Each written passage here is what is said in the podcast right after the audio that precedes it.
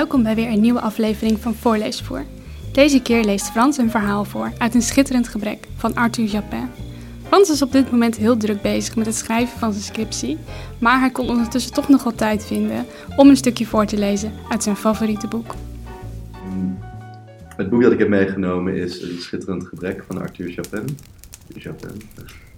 Eh, dat is um, een van de eerste boeken van Nederlandse literatuur die ik zelf ooit heb gelezen. En om een van de redenen vond ik het zo mooi geschreven en zo aangrijpend dat het me altijd heel erg is bijgebleven. Wat ook heel grappig was toen ik zelf het boek uit had en helemaal enthousiast was, toen, uh, toen vertelde ik toevallig mijn moeder erover. Toen zei ze van, oh wat, wat leuk om te horen, want dat is ook een van mijn favoriete boeken, wat ik van tevoren niet wist. Oh, wat leuk.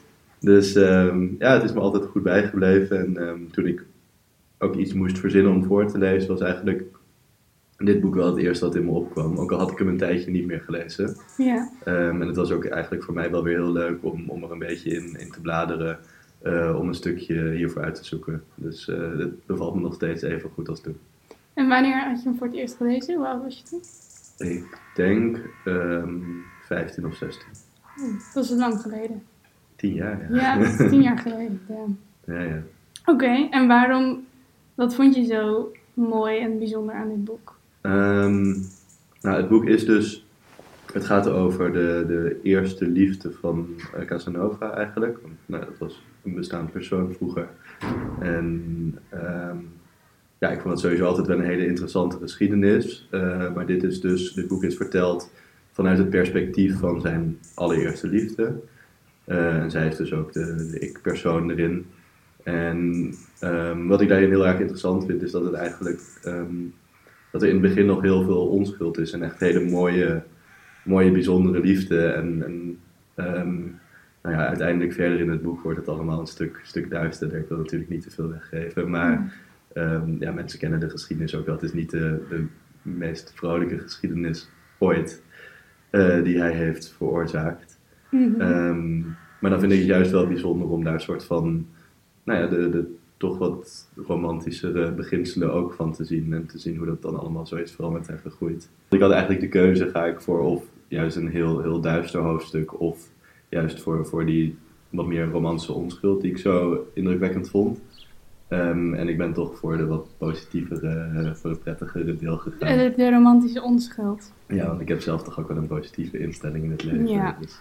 En uiteindelijk moet ik ook zeggen, is juist van het hele boek, gek genoeg, terwijl het helemaal niet zo'n, helemaal niet chockerend of heftig is per se, maar is juist dat me het meeste bijgebleven. Dus dat leek me wel het goede om voor te lezen. Oké. Okay. Hoe is het mogelijk, schoot het die weken regelmatig door mijn hoofd, dat een jongen als hij zijn tijd besteedt aan iemand als ik? Begrijp me goed, in zijn bijzijn voelde ik me mooier dan ooit ervoor of daarna. Ik waande me slimmer dan ooit, en als ik hem het lachen maakte, voelde ik me sprankelend en gevat. En toch, een meid als ik, het leek me haast te mooi om waar te zijn. Alleen in mijn bed was ik elke avond bang dat hij die nacht in zijn kamer bij zinnen zou komen en zich zou bedenken dat hij de volgende ochtend niet eens meer de moeite zou nemen mij nog te ontbieden. Maar wanneer ik zo tobbend eindelijk in slaap viel, verzonk ik toch weer in diep geluk, omdat hij mij al zoveel had gegeven. Op een ochtend belde hij vroeger dan anders. Het was nauwelijks licht. Ik sloeg snel iets om, mijn haar hing nog los, maar ik rende met open armen op hem toe, uitgelaten als altijd. Halverwege hield ik stil. Ik schrok. Bleek zag hij, ontdaan, verdrietig. Wat is er met je? Ik heb niet geslapen. Waarom niet? Ik moet u iets vertellen, zei hij. Het is voor mij verschrikkelijk, maar ik zal er uw respect mee winnen. Als die hoofdprijs jou zo droevig maakt, heb ik liever dat je lager inzet. Ik was ongerust, maar deed luchtig. En vertel me eens waarom u mij nu aanspreekt alsof ik een dame ben, terwijl we gisteren nog jij en jou zeiden. Wat heb ik misdaan, mijn heer de abate? Ik ga nu uw ontbijt halen en als dat op is, moet u maar eens met het hele verhaal op de proppen komen. Ik weet niet hoe ik de keuken heb gevonden en vandaar de weg weer terug met een vol dienblad en een kan kokend water. Mijn knieën knikten. Ik schonk hem in en hij dronk zonder iets te zeggen. Ondertussen deed ik zijn kamer en ik sloot de deur tegen de tocht. Toen kroop ik tegen hem aan in bed om geen woord te missen. Hield een heel verhaal. Het zat vol argumenten die hij van tevoren had uitgedacht en het duurde wel een kwartier. Ik was niet iemand die dacht met haar hoofd, daar geloofde ik niet in. Ik wist alleen wat ik voelde. Zijn gedachten volgde ik dus niet. Wat hij logica noemde, kende ik alleen als dwaasheid.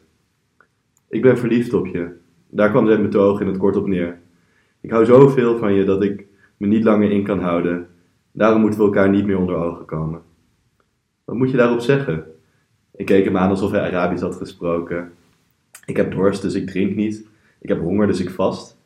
In Udine is een gesticht waar zulke mensen worden vastgebonden op een houten bank tot ze bij zinnen komen. Toch leek Giacomo te weten wat hij deed. Aangedaan schilderde hij de verschrikkingen die ons te wachten stonden als wij elkaar zouden blijven zien. Tot dan toe had hij zich weten te beheersen dankzij de speciale remedie van schooljongens, waartoe hij meerdere malen per dag zijn toevlucht nam. Maar dit, zei hij, was hem niet langer genoeg.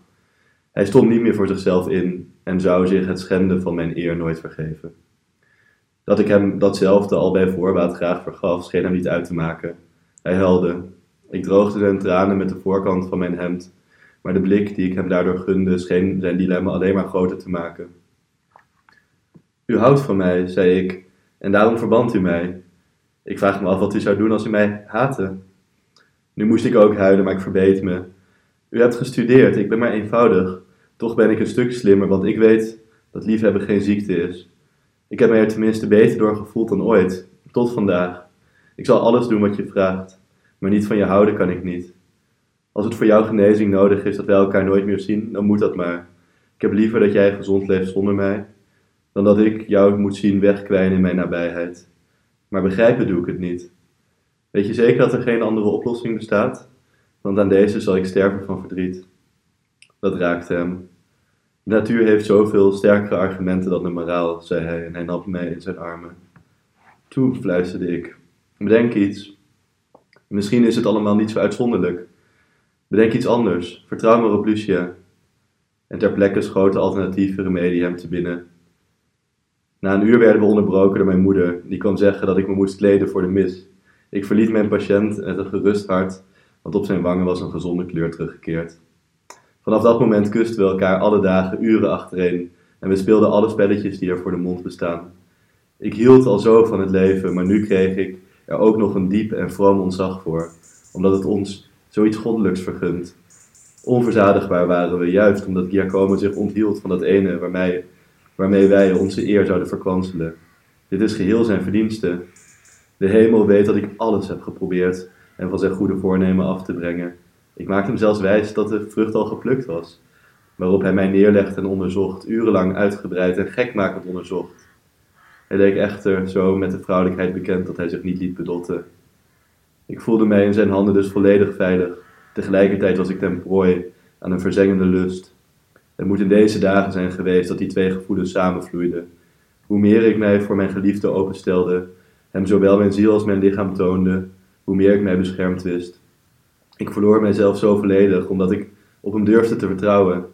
Ook later bleven lust en veiligheid voor mij altijd met elkaar verweven. En dit heeft de loop van mijn leven bepaald. Schaamteloos heb ik mij nu eenmaal altijd het veiligst gevoeld. Mooi. Waarom heb je dit stukje gekozen? Specifiek dit stukje? Het was gewoon een stukje dat me, dat me heel sterk was bijgebleven. En ik vind het ook, ik vind het ook een mooi contrast, omdat mensen inderdaad Casanova voornamelijk kennen als, als de player en die overal maar voor ging en ehm, met iedereen seks had, et cetera. Ehm, terwijl juist de clue hierin is dat hij zich daarvan onthoudt omdat hij zoveel van haar houdt. Ja.